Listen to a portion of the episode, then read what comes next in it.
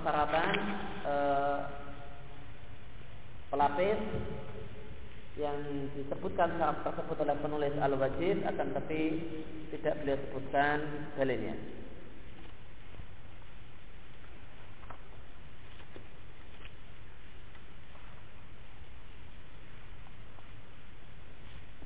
Kemudian berikutnya adalah mayajibu lahul wudu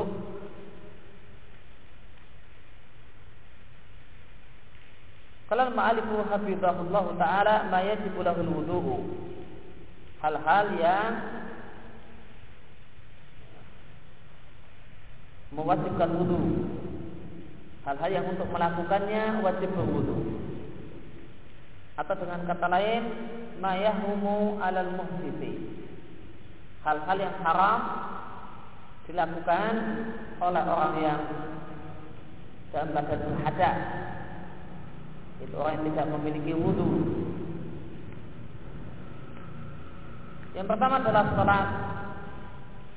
Dalilnya adalah firman Allah Taala, Ya ayyuhalladzina amanu idza kuntum ila sholati farsilu wujuhakum. Wahai orang-orang yang beriman, jika kalian berdiri tidak mengerjakan sholat, maka basuhlah wajah kalian dan seterusnya itu adalah kalian berwudu. Dan hadis ini sebagaimana pernah kita bahas menunjukkan wajibnya berwudu setiap kali hendak atau ayat ini menunjukkan wajibnya berwudu setiap kali hendak mengerjakan sholat. Akan tetapi ulama menyimpulkan wudu hanyalah wajib ketika hendak sholat dan dalam kondisi hadas.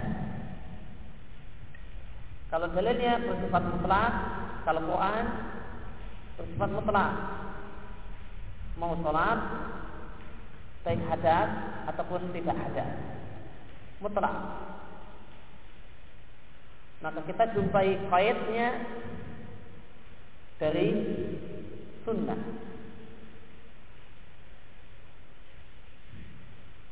Yaitu kejadian di satu Mekah ketika Nabi Shallallahu Alaihi Wasallam selama sehari semalam sholat lima kali cuma dari dengan satu wudhu. Jadi ditanyakan oleh Umar dan Umar mengatakan atau Nabi mengatakan amdan fa'altuhu ya Umar.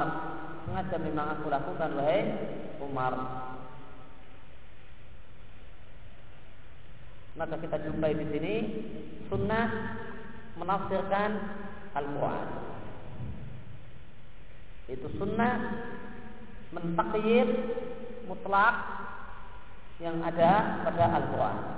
Bagaimana dalam pelajaran fikih kemarin, Katanya posisi Quran atau posisi Sunnah terhadap Al-Quran itu ada berapa? Tiga posisi. Pertama, ya, Hah? Ma, menguatkan. Sunnah atau hadis mengatakan sama persis dengan apa yang dikatakan oleh Al-Quran. Kemudian yang kedua Menafsirkan Menjelaskan Al-Quran. Di antaranya adalah Sunnah Mentakyid Mutlak Yang ada pada Quran. Maka contohnya Di sini. Quran mengatakan Quran mengatakan bahasanya uh, wajib berwudu setiap kali tidak salat.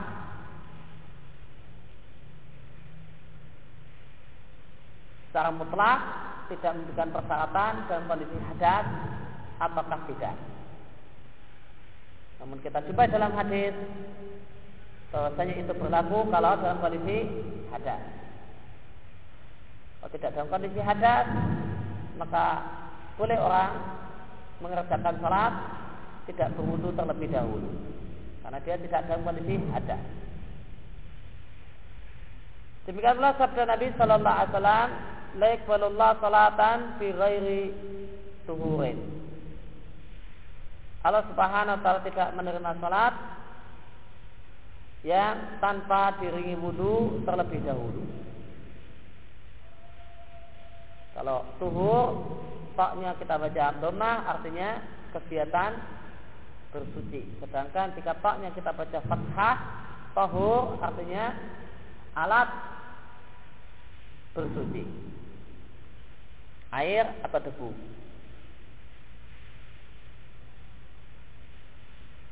Kemudian yang kedua, atau bil bait. Tawaf mengelilingi Ka'bah.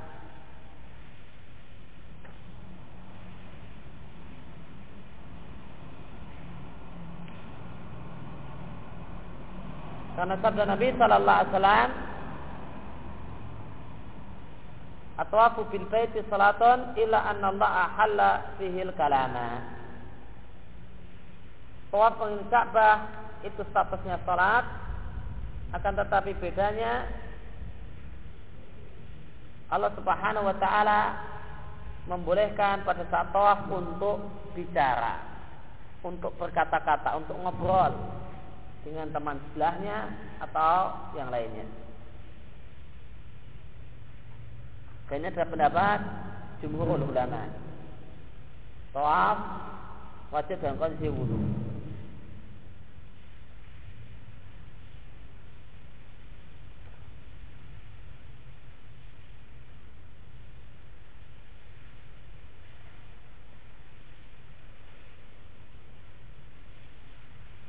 Dan ada perkara yang ketiga yang tidak disebutkan oleh penulis yang nampaknya tidak disebutkan oleh penulis karena penulis tidak setuju dengan hal itu.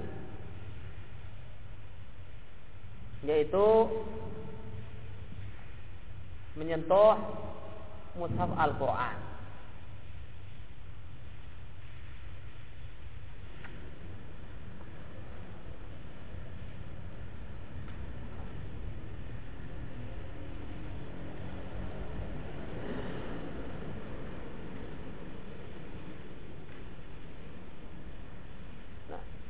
Poin yang ketiga ini tidak dicantumkan oleh penulis dan bahirnya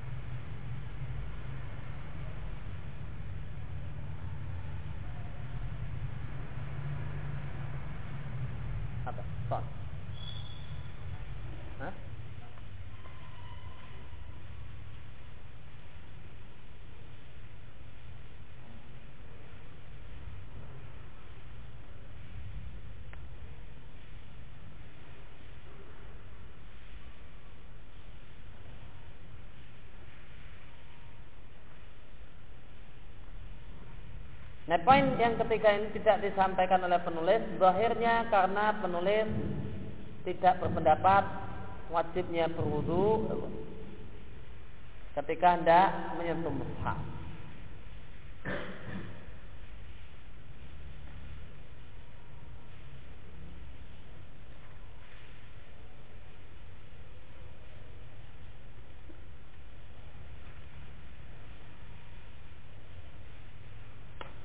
Berkaitan dengan masalah menyentuh mushaf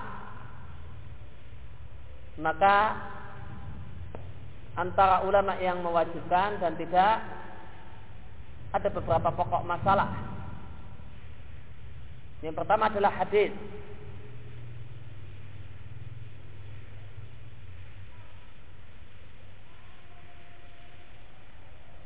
Yaitu hadis berisi surat Nabi Shallallahu Alaihi Wasallam kepada Amr bin Hazm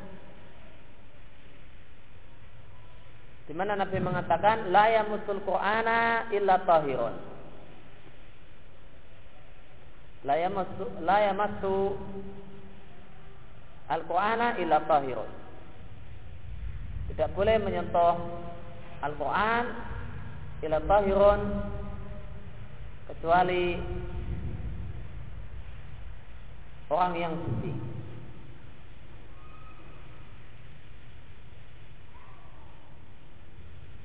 Di sini diriatkan oleh Imam Malik. Nah, Darukutni dalam sunannya dan Al-Hakim.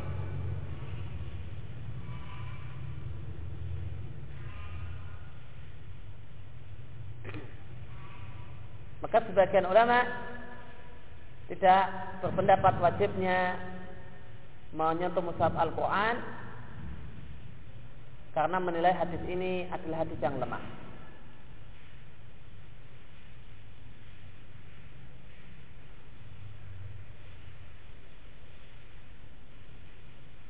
Namun hadis ini dinilai sahih li ghairihi oleh Al-Albani di Irwa'ul Ghalil.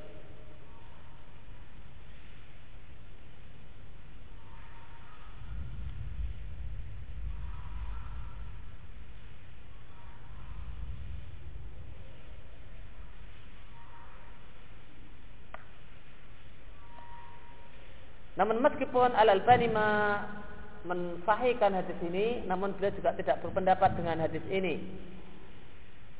Ya. Beliau tidak mewajibkan uh, berwudu untuk menyentuh mushaf Al-Quran. Disebabkan masalah memaknai tahir. Yang menurut beliau sebagaimana di uh, Taman Muminnah Ta'lib Fikus Sunnah Tahir itu mustarak. Dan kaidah yang beliau ambil mustarak harus diambil salah satu maknanya. Tidak bisa dimaknai dengan semua maknanya. Setelah itu beliau bawakan hadis al mukmin layan jus mukmin itu tidak nyadis dan ini jadi dalil bahasa yang dimaksud tahir adalah mukmin.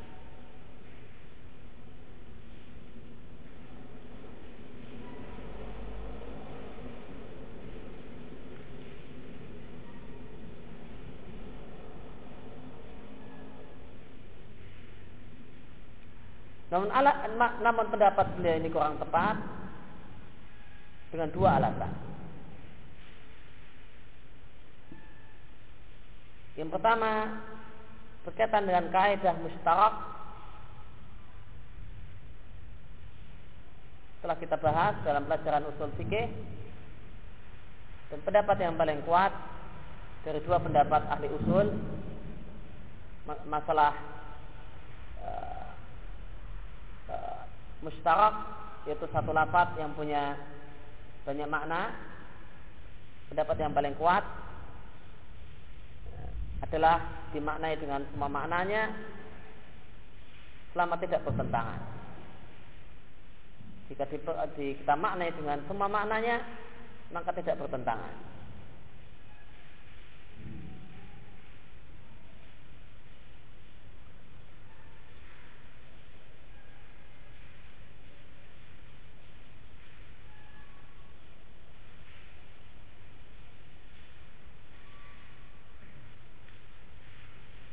Kemudian yang kedua berkaitan dengan makna tahir. Maka apakah makna tahir ini bisa kita katakan mujmal ataukah tidak? Bagaimana dalam pelajaran usul fikih yang telah kita bahas, yang namanya mujmal itu ketika kemungkinan maknanya dia punya beberapa kemungkinan makna dan kemungkinan maknanya apa? Hah?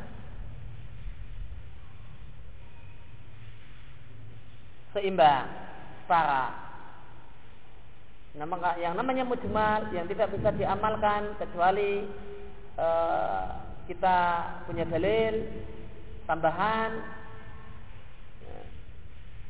itu adalah jika semua kemungkinan maknanya seimbang. Dan jika tidak imbang dan ada yang menonjol, maka ya, memaknainya dengan makna yang menonjol itulah yang disebut dengan zahir. Nah, apakah tahir itu mujmal ataukah zahir?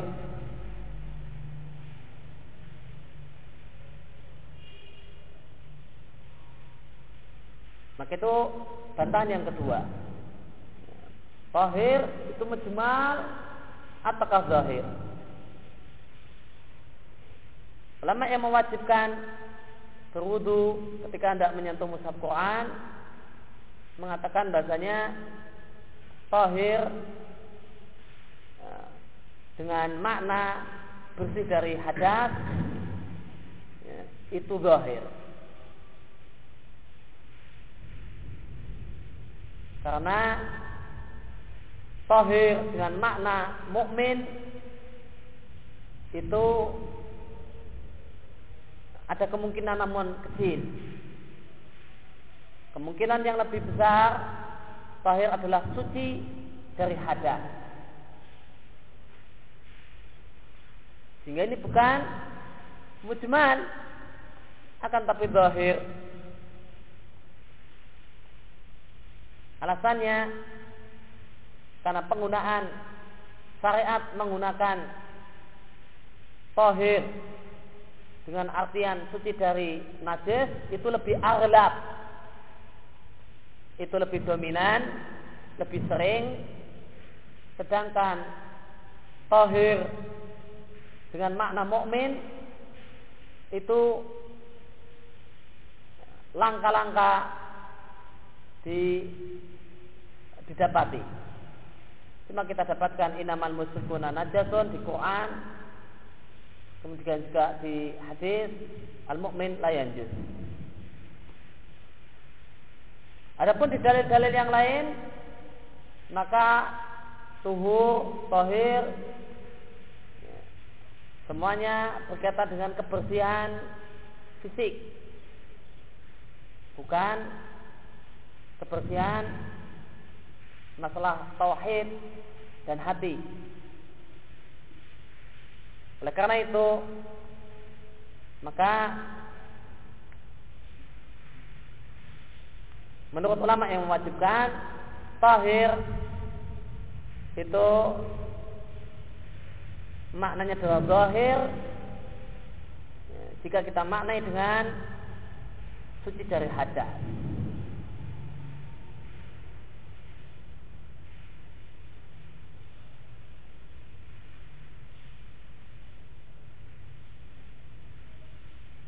Maka berdasarkan catatan yang pertama yaitu masalah kaidah mustarak kita katakan kaidah yang kuat semua makna mustarak itu kita maknakan dalam hadis ini kecuali jika maknanya bertentangan dan dalam ini tidak bertentangan. Maka kita katakan ya, orang yang hadas akbar tidak boleh menyentuh mushaf orang yang hadas kecil ya, tidak suci dari hadas kecil tidak boleh menyentuh mushaf Al-Quran, orang yang tubuhnya penuh najis tidak boleh menyentuh mushaf Al-Quran, sebagaimana juga orang kafir uh, tidak menyentuh mushaf Al-Quran. Atau kita katakan dengan catatan yang kedua bahwasanya karena dalam mayoritas penggunaan tohir itu mayoritas penggunaannya adalah maknanya suci dari hadas maka maknanya makna zahir dibandingkan menggunakan makna tahir dalam artian beriman atau mukmin.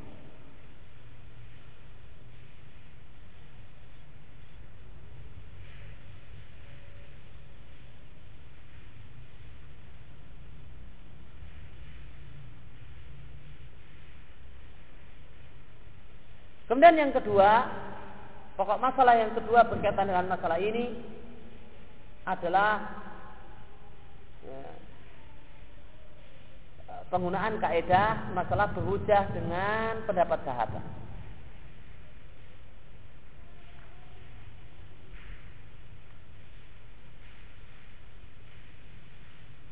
Bagaimana kita maklumi bahasanya apakah pendapat sahabat bisa jadi hujah ulama khilaf. Dan pendapat yang paling kuat bisa jadi hujah jika tidak ada sahabat lain yang menyelidiki dan tidak bertentangan dengan nas. Dan berkaitan dengan bolehkah orang yang tidak punya wudhu menyentuh mushaf Al-Quran terdapat pendapat sahabat.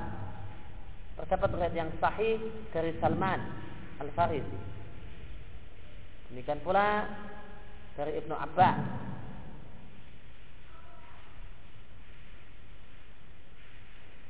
Demikian pula dari Ibnu Umar.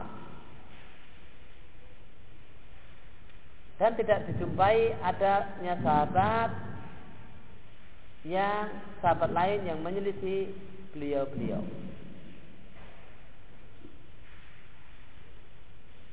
Maka jika kita konsisten dengan kaidah bahasanya pendapat sahabat adalah hujah jika tidak terdapat sahabat lain yang menyelisihi dan tidak ada nas yang menyelisihinya dan tidak jumpai kita tidak jumpai nas yang menyelisihi masalah ini menyelisih pendapat uh, sahabat Salman ya. demikian juga para ulama mengatakan tidak dijumpai sahabat lain riwayat dari sahabat yang lain yang menunjukkan kalau mereka menyelisih Salman dalam pendapatnya ini maka jika kita konsisten dengan kaidah bahwasanya pendapat sahabat adalah hujah jika syarat terpenuhi dan di sini syarat terpenuhi maka eh, konsekuensinya adalah kita katakan tidak boleh menyentuh seorang yang tidak punya wudhu tidak boleh menyentuh mushaf Al-Quran.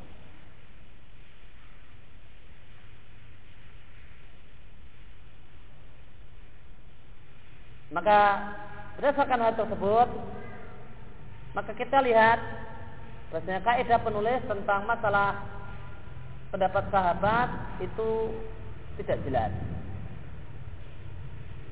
Terkadang beliau memakai pendapat sahabat semacam dalam masalah apa kemarin? Hmm? Hah? Semacam dalam masalah apa? Hah?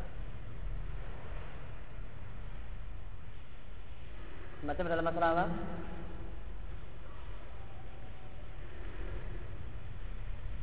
macam dalam masalah wadi dan madhi dia percaya dengan Ibn Abbas perkataan sahabat kayaknya sebelumnya juga sudah ada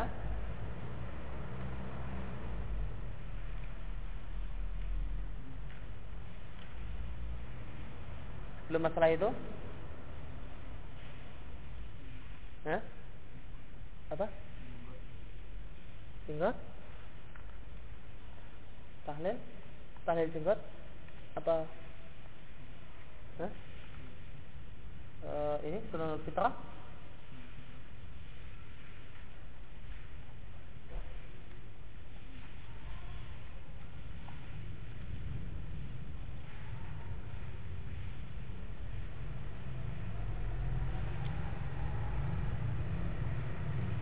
di bab siwa tentang kiraatul Quran. Beliau berdalil dengan perkataan Ali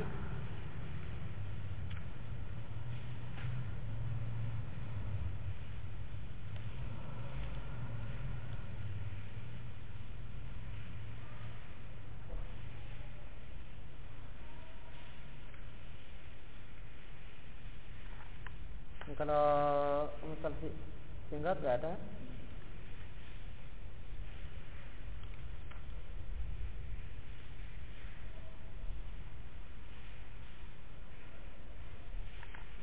Ini masalah qiraatul Quran di bab siwa itu berdaya dengan perkataan Ali untuk menetapkan hukum istighfar.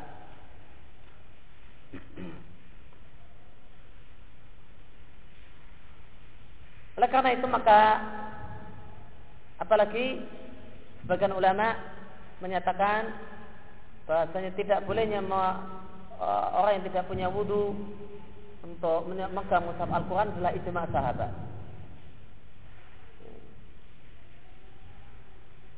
Banyak ulama yang mengklaim ijma sahabat, bahkan ijma eh, ya, ijma sahabat. Dan tidak ada yang menyelisih ijma sahabat kecuali Dawud Al-Zahiri dalam masalah ini. Ini dikatakan oleh banyak ulama e, Ibn Abdul Bar Syekhul dan yang lainnya.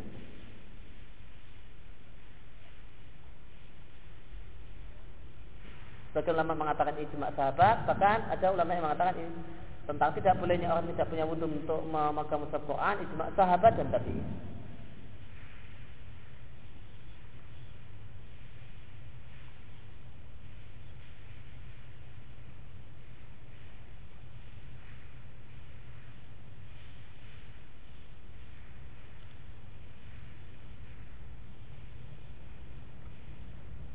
Namun ingat yang jadi masalah adalah memegangnya. Nah, bagaimanakah orang yang hadas membaca Al-Quran tanpa memegang mushaf?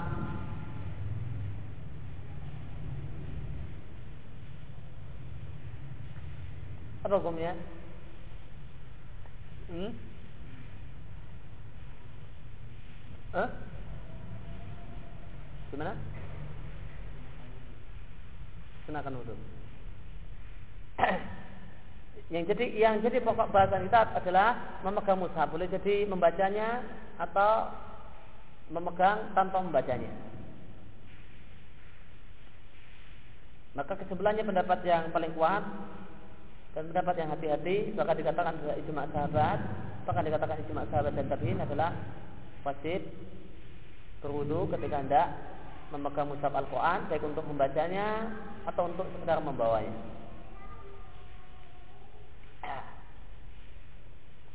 Kemudian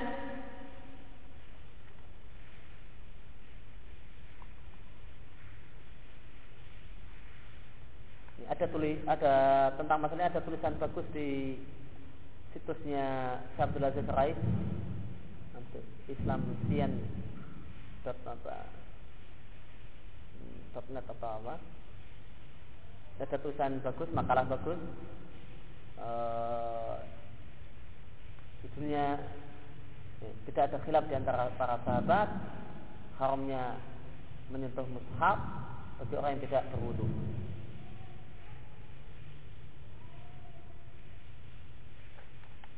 Beliau sampaikan nukilan para ulama yang menugaskan ijma uh, ijma para sahabat tentang hal ini. Kita ingin mentelaah lebih lanjut tentang masalah ini. Uh, saya anjurkan untuk membaca tulisan tersebut.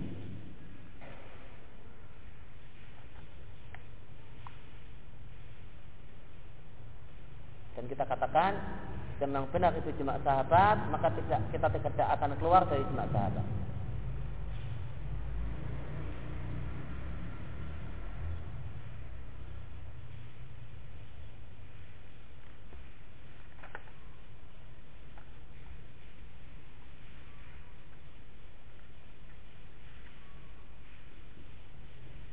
Adapun orang membaca Al-Quran tanpa menyentuh mushaf maka tidaklah diragukan boleh.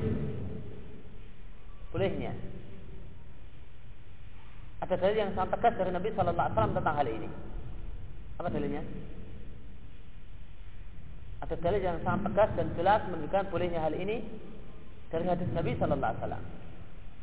Jadi orang yang tidak dalam kondisi eh, orang dalam kondisi hadas boleh membaca Al-Quran tanpa memegang mushaf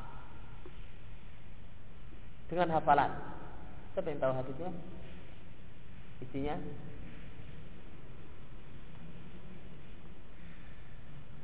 Hmm? Dan ini adalah uh, hadis Nabi Shallallahu Alaihi Wasallam tentang perbuatan Nabi apabila bangun bangun tidur dari uh, di tengah malam ketika beliau bangun tidur, maka apa yang Nabi lakukan? Membaca akhir-akhir surat eh, Ali Imran. Nabi bangun dari tidurnya dan membaca akhir-akhir surat Ali Imran. Ya, 10 ayat terakhir surat Ali Imran. Sedangkan Nabi bangun tidur dan tidur adalah pembatal wudhu. Maka Nabi Shallallahu Alaihi Wasallam dalam kondisi hadas. Maka sekali yang sangat tegas dan jelas menunjukkan bahasa yang baca Al-Quran yang dilakukan oleh orang yang hadas ya, jika tanpa menyentuh mushaf Al-Quran hukumnya boleh. Nah. Kemudian maistahabbu lahul wudu'u. Hal-hal yang dianjurkan untuk berwudu terlebih dahulu sebelum melakukan hal-hal berikut ini. Ya, perkara-perkara yang sebelum melakukannya kita dianjurkan untuk berwudu. Pertama adalah zikrullah azza wa jal. Mengingat Allah Subhanahu wa taala. Dan termasuk mengingat Allah adalah berdoa.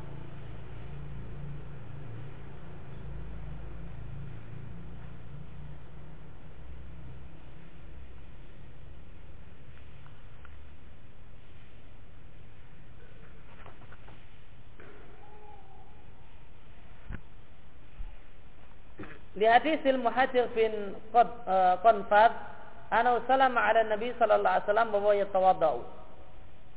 Falam yarudda alaihi hatta tawadda'a. Faradda alaihi wa qala innahu lam yamna'ni an arudda alaika ila anni karihtu an adkurullaha ila ala taharatin.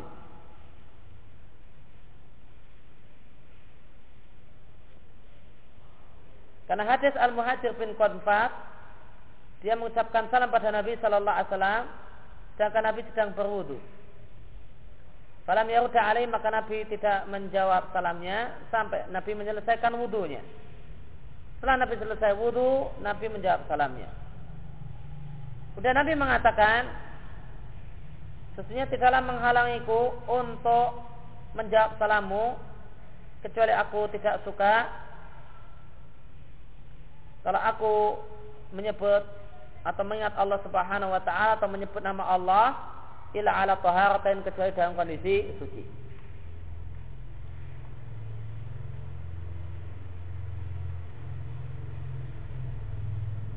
Maka hadis ini menunjukkan dianjurkannya uh, sebelum menyebut nama Allah Subhanahu wa taala atau mengingat Allah Subhanahu wa taala. Dan dalam hadis ini terdapat faedah berkaitan dengan pelajaran usul fikih yaitu kita jumpai di sini makna kariha dengan makna makro secara istilah.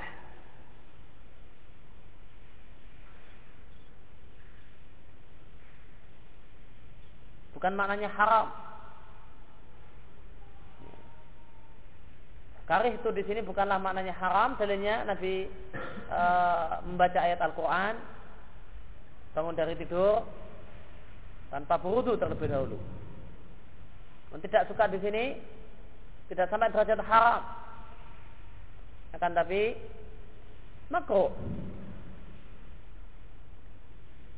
Sehingga ada faedah berkaitan dengan pelajaran usul fikih.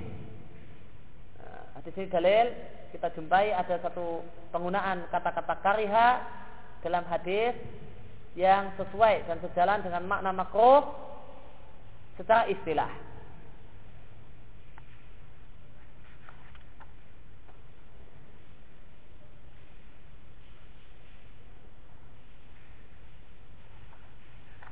Demikian juga di terdapat dalil khusus tentang dianjurkan untuk berwudu sebelum berdoa itu hadis Abu Musa. Dia menceritakan pada Nabi Shallallahu Alaihi Wasallam beritanya berita kabar Abu Amir. Dan Abu Amir berkata kepada Abu Musa al Asari ya, sampaikan salam kepada Nabi dan katakan pada Nabi supaya memohonkan ampun untukku. Maka setelah sahabat Abu Musa menceritakan uh, beritanya Abu Amir pada Nabi Shallallahu Alaihi Wasallam maka Rasul Shallallahu Alaihi Wasallam meminta satu air ya, meminta air kemudian Nabi berwudu setelah itu beliau mengangkat kedua tangannya dan berdoa Allah maghfir li Ubaid Abi Amir. Ya Allah ampunilah Ubaid Abu Amir. Hadisnya diatkan oleh Bukhari dan Muslim. Maka Nabi mau berdoa mendoakan seseorang berwudu terlebih dahulu. Ini perbuatan Nabi dan perbuatan Nabi menunjukkan hukum istihbab.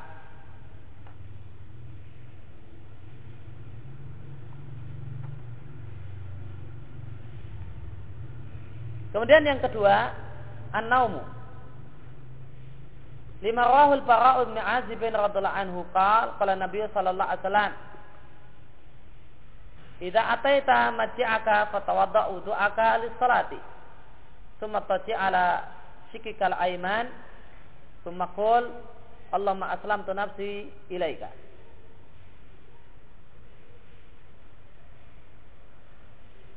Dari dalil ketika tidak tidur dianjurkan berwudu terlebih dahulu. Dalilnya hadis dari sahabat Al-Bara bin Azib radhiallahu anhu, Nabi sallallahu alaihi wasallam mengatakan, "Jika engkau mendatangi tempat tidurmu, maka berwudulah sebagaimana wudumu untuk sholat dan berbaringlah pada sisimu yang kanan." Maka di sini terdapat amr maka tidur dengan miring kanan itu adalah sunnah fi'liyah dan sunnah kauliyah. Ya, tidur dengan miring ke kanan itu sunnah fi'liyah perbuatan Nabi Sallallahu Alaihi Wasallam dan sunnah kauliyah. Perintah Nabi Sallallahu Alaihi Wasallam kepada sahabat siapa? Al-Bara bin Azib. Thumma ala sikikal aiman. Dan tidurlah dengan miring ke kanan.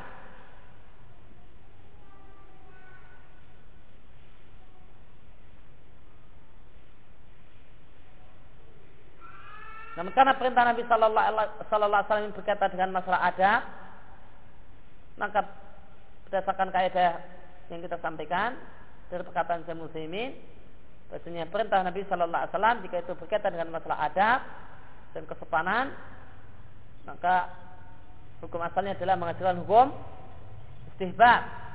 Kecuali terdapat dalil yang menunjukkan wajibnya. Karena terlalu berat kita katakan wajib di sini. Kita katakan berdosa. Banyak orang yang tidur tidak miring ke kanan.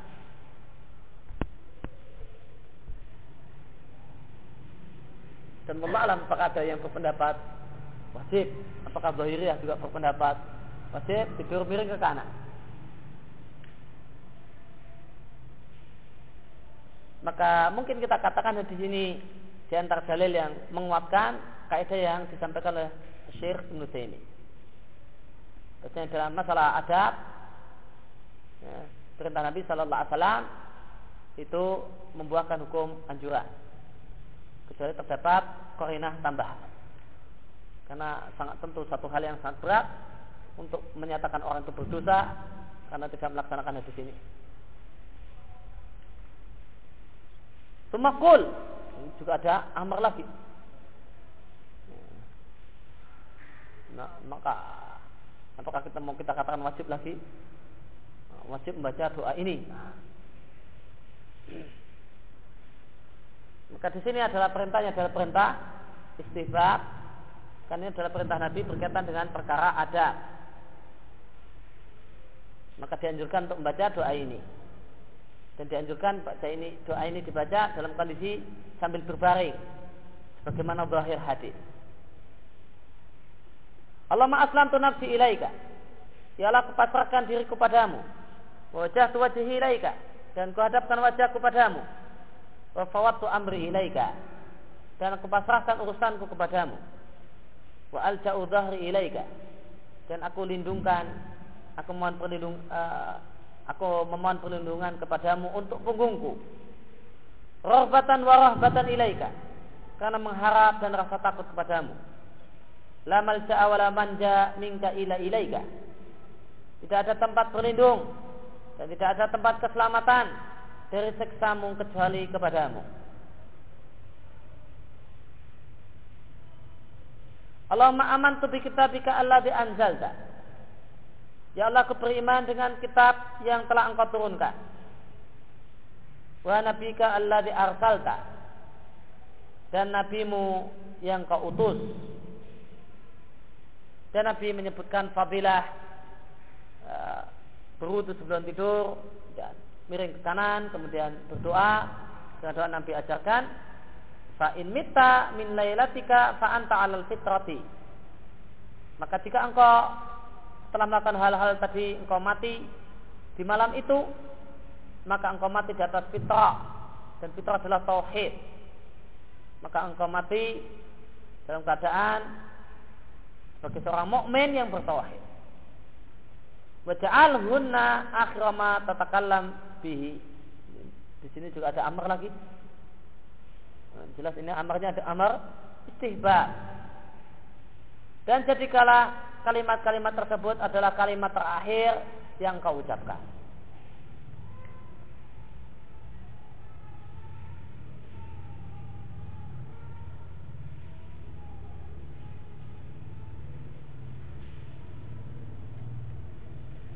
Kemudian yang ketiga, al-junubu idza arada ayakula aw yashroba aw yanama aw yu'awid al-jima'a dianjurkan berwudu bagi seorang yang dalam kondisi junub. Jika dia tidak makan atau minum atau tidur. Setelah seorang suami berhubungan badan dengan istrinya setelah dia selesai berhubungan badan dia ingin tidur atau ingin makan atau ingin minum maka dianjurkan untuk berwudu terlebih dahulu demikian juga ayu awidal bima'a jika suami tersebut ingin mengulangi hubungan badan dengan istrinya untuk kedua kalinya.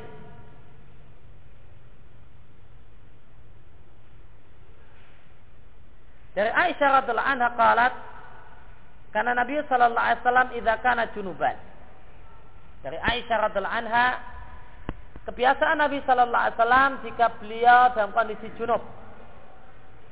Fa arada ayakula lalu beliau ingin untuk makan nama atau tidur tawaddoa wudu'ahu lis salati maka beliau berwudu sebagaimana wudu persis sebagaimana wudu ketika hendak salat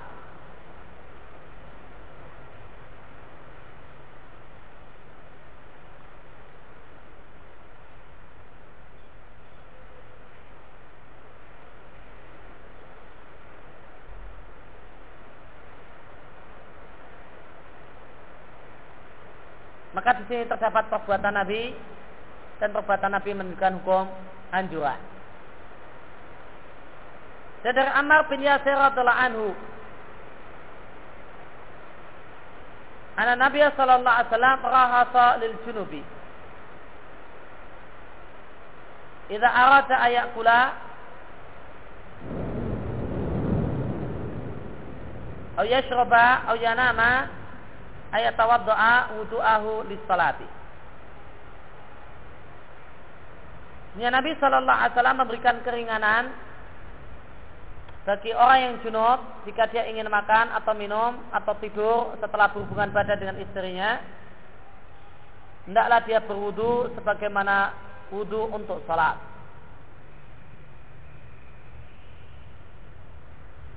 Sebagian ulama punya kaidah Bahasanya kata-kata ruhsah dalam hadis itu menunjukkan nasakh.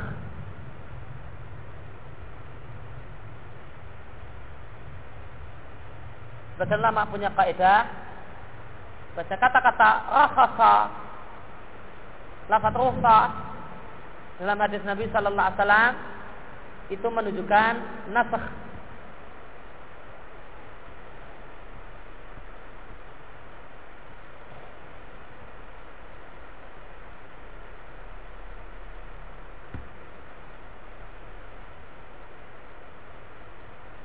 Dan ini adalah dalil ulama yang mengatakan bahasanya bekam itu tidak membatalkan puasa. Karena berkaitan dengan masalah bekam, apakah membatalkan puasa atau tidak? Ada dua hadis, ada dua jenis hadis. Pertama hadis yang mengatakan berbekam itu membatalkan puasa. Maka Nabi katakan batal orang yang membekam dan orang yang dibekam.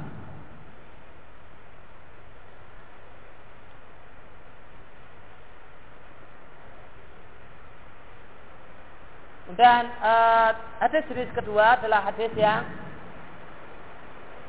menunjukkan orang yang berpuasa boleh bekam.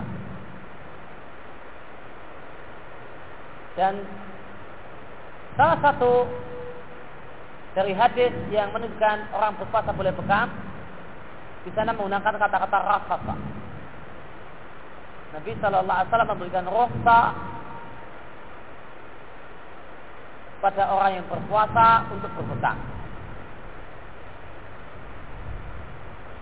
Nah kata-kata ini jadikan dalil oleh para ulama yang mengatakan bekam tidak membatalkan puasa ini dalil bahasanya bekam membatalkan puasa itu mansuh karena Nabi Shallallahu Alaihi Wasallam rakasa memberikan keringanan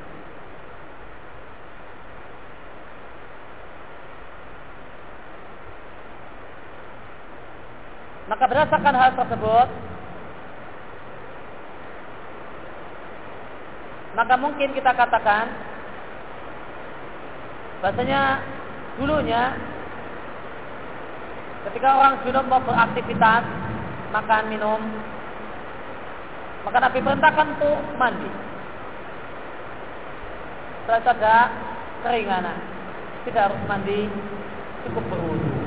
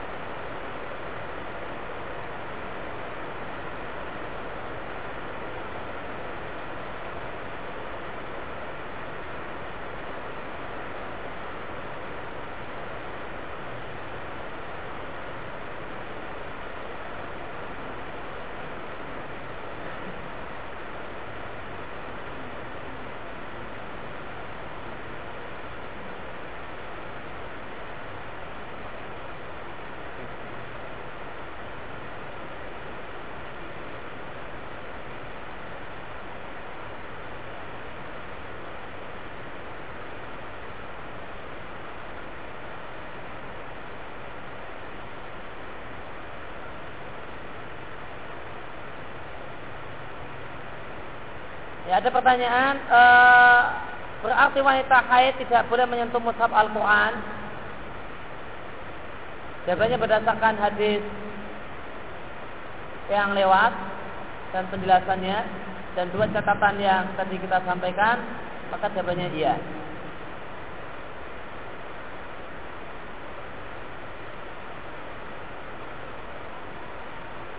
Namun wanita haid boleh baca Quran dengan hafalannya. Atau jika yang disentuh bukan mushaf.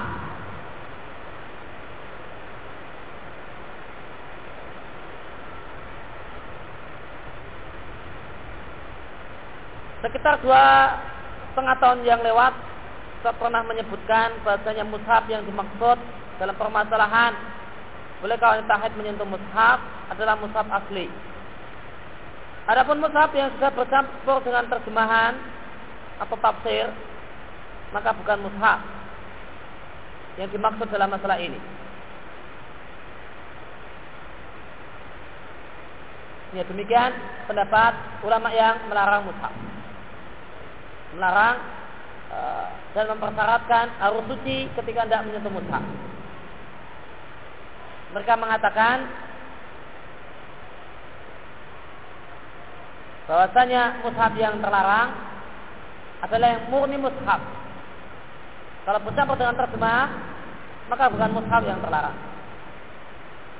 Oleh karena itu maka berdasarkan pendapat tadi dan apa yang kita pilih tadi, bahasanya orang yang suci wajib menyentuh mushaf, e, tidak e, orang yang hanya orang yang suci yang boleh menyentuh mushaf dan orang yang berada tidak boleh menyentuh mushaf, maka jika seorang wanita haid itu hendak membaca Quran, maka boleh dia dengan hafalan atau dengan menggunakan Quran terjemahan atau Quran yang ada tafsirnya. Dan yang nggak boleh adalah Quran yang murni Quran.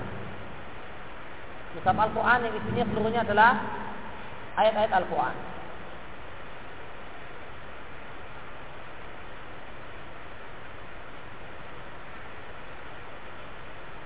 Apakah keadaan-keadaan yang dianjurkan untuk berwudu juga berlaku untuk wanita haid? Misalnya sebelum tidur dan menjaga wudhu setiap saat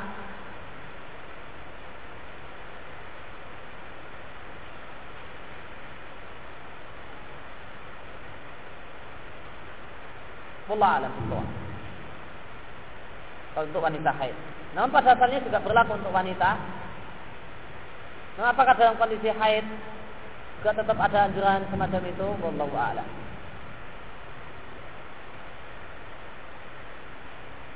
Apa makna rohbatan wa rohbatan ilaika? Pada hadis bara, apa faedah lafaz tersebut? Wallahu a'lam. Uh, tapi insyaallah di pertemuan yang akan datang coba akan kita carikan penjelasan ulama tentang masalah ini dan apa faedah dari eh, kata-kata e, ini.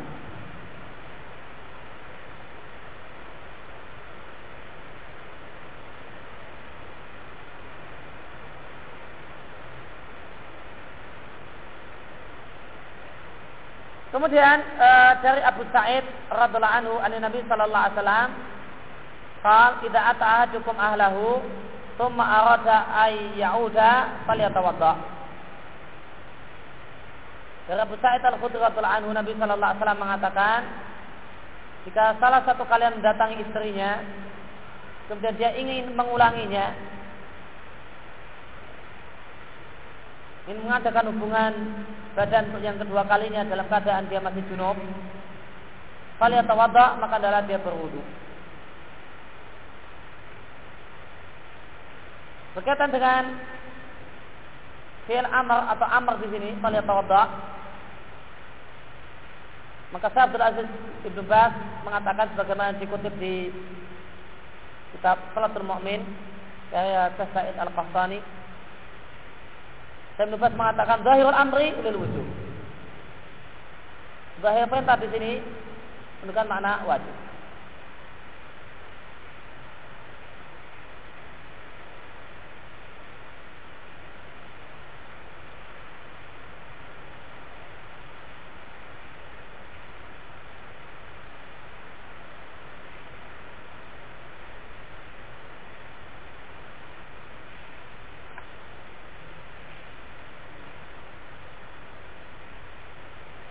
Namun, wallah alam, seandainya dipahami dengan istihbab, insya Allah laisa biba'in. Dan ini adalah masalah ya, adab.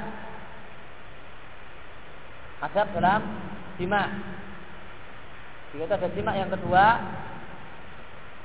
maka Nabi perintahkan untuk berwudu terlebih dahulu.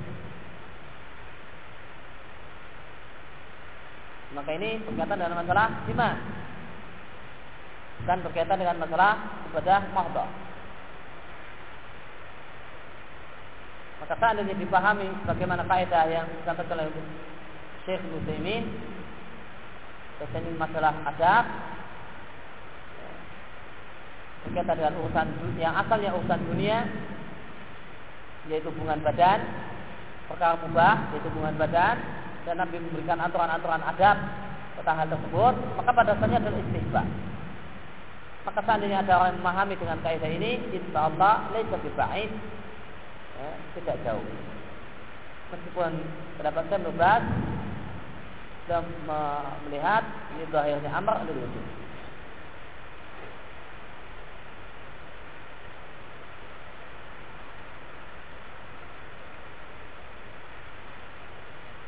Dan lebih baik lagi jika seorang itu hendak melakukan mengulang hubungan badan adalah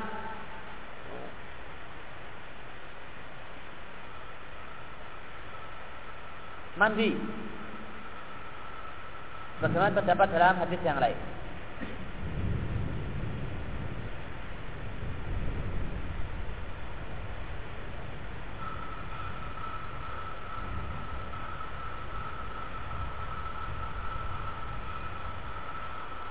Berkaitan dengan hadis Aisyah.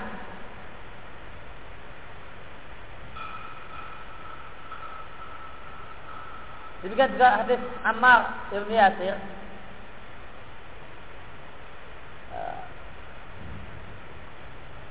Syekh Al-Albani rahimahullah ta'ala punya pendapat. Dia gunakan dalil Hadis ini untuk menganjurkan wudhu setiap kali tidak makan, baik junub ataupun tidak.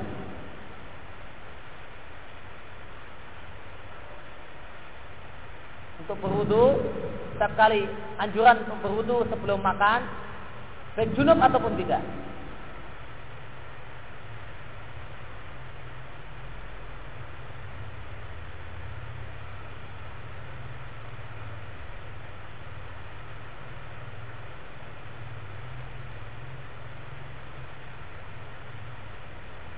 Akan tapi pendapat beliau ini adalah pendapat yang kurang tepat karena hadisnya itu bersyarat yaitu masalah junub. Kemudian qoblal ghusli sawaan kana wajiban am mustahabban. Dianjurkan berwudu sebelum mandi. Baik mandinya adalah mandi wajib ataupun mandi mustahab.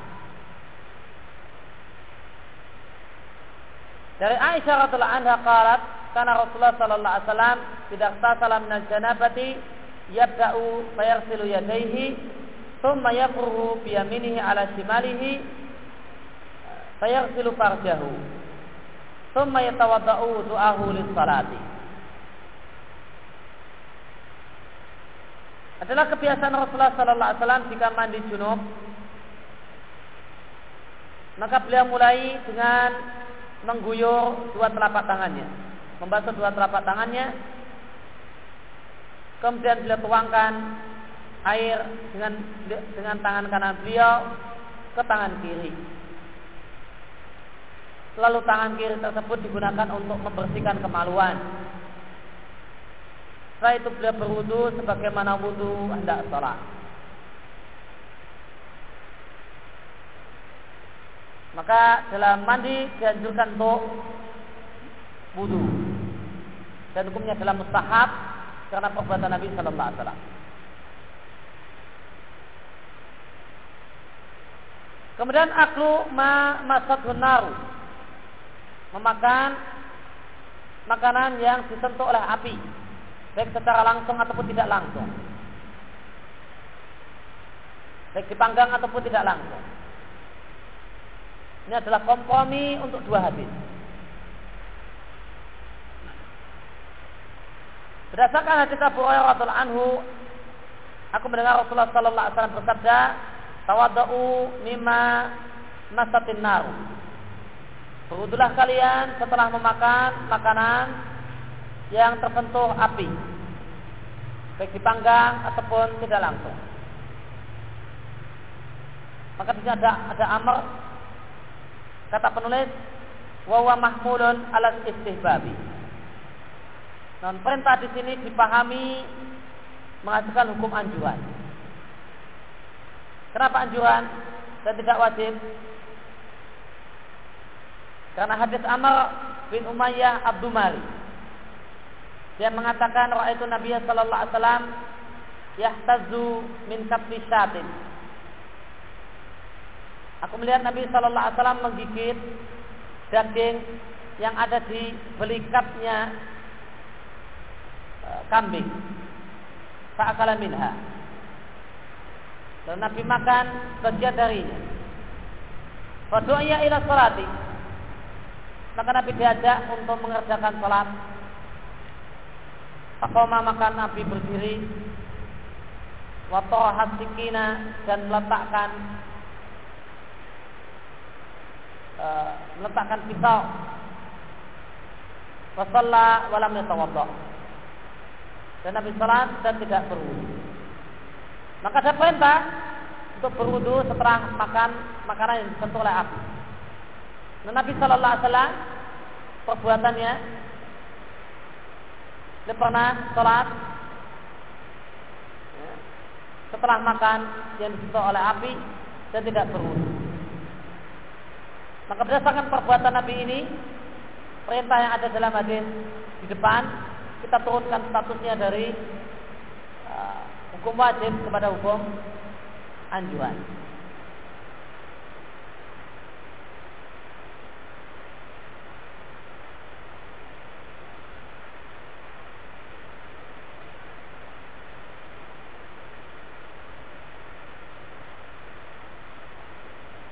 Kemudian dianjurkan untuk berwudu likuli salatin ketika setiap hendak mengerjakan salat baik dalam keadaan berhadas eh, dianjurkan untuk berwudu setiap kali mengerjakan salat baik berhadas ataupun tidak. Kalau berhadas jelas wajib. Dan hadis Buraidah radhiallahu anhu beliau mengatakan karena Nabi sallallahu alaihi wasallam yatawaddu inda kulli salatin Kebiasaan Nabi Shallallahu Alaihi Wasallam adalah berwudu setiap kali tidak mengerjakan salat. Falamma kana yaumul fathi tawaddu'a wa masaha ala kufaihi wa shalla salawati bi wudu'in wahid. Faqala lahu Umaru ya Rasulullah innaka fa'alta syai'an lam takun taf'aluhu faqal amdan fa'altuhu ya Umar Ada Nabi Shallallahu Alaihi Wasallam kebiasaan Nabi berwudu setiap kali hendak sholat meskipun tidak berhadas. Maka ini perbuatan Nabi menunjukkan hukum anjuran. Maka dianjurkan berwudu setiap kali hendak sholat meskipun tidak dalam kondisi hadas. Maka tatkala hari Fatah yaitu Fatul Mekah Nabi berwudu dan cuma sekedar mengusap khuf dan laksanakan lima kali sholat dengan satu wudhu saja. Itu sholat subuh sampai isya semuanya dengan satu wudhu. Maka Umar maka Umar berkata pada Nabi, Wahai Rasulullah, engkau melakukan sesuatu yang tidak biasa engkau kerjakan. Maka Nabi Shallallahu Alaihi Wasallam mengatakan, Amdan fa'altuhu ya Umar. Memang sengaja kulakukan demikian wahai Umar.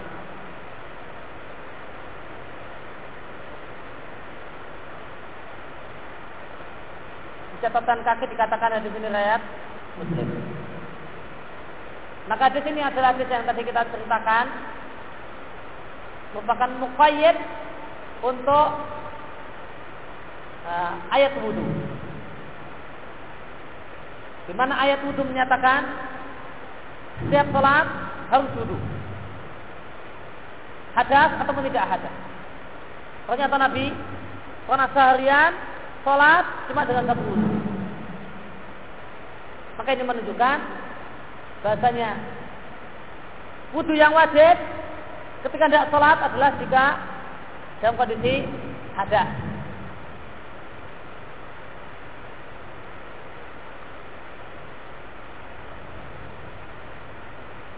Dan ada sini dalil tentang masuknya mengusap khuf yang telah akan kita bahas dalam pertemuan yang akan datang.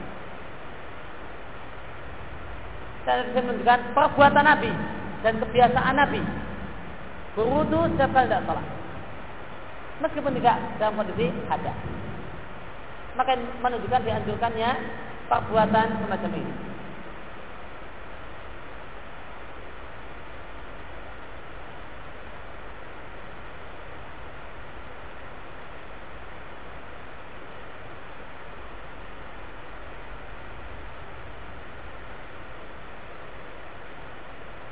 Maka ayat Al-Maidah, ayat wudhu itu Nabi jelaskan dengan perbuatan. Maka salah satu bayan, bentuk bayan Nabi adalah dengan perbuatan. Bagaimana dalam pelajaran usul fikih kemarin berkaitan dengan masalah mujmal dan mubayan, maka Nabi Wasallam menjelaskan segala syariat. Boleh jadi Nabi jelaskan dengan perkataan dan boleh jadi Nabi jelaskan dengan perbuatan.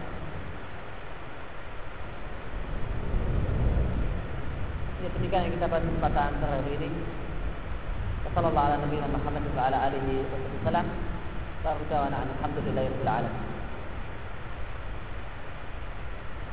Subhanallahi wa bihamdihi, la ilaha illa anta, astaghfiruka.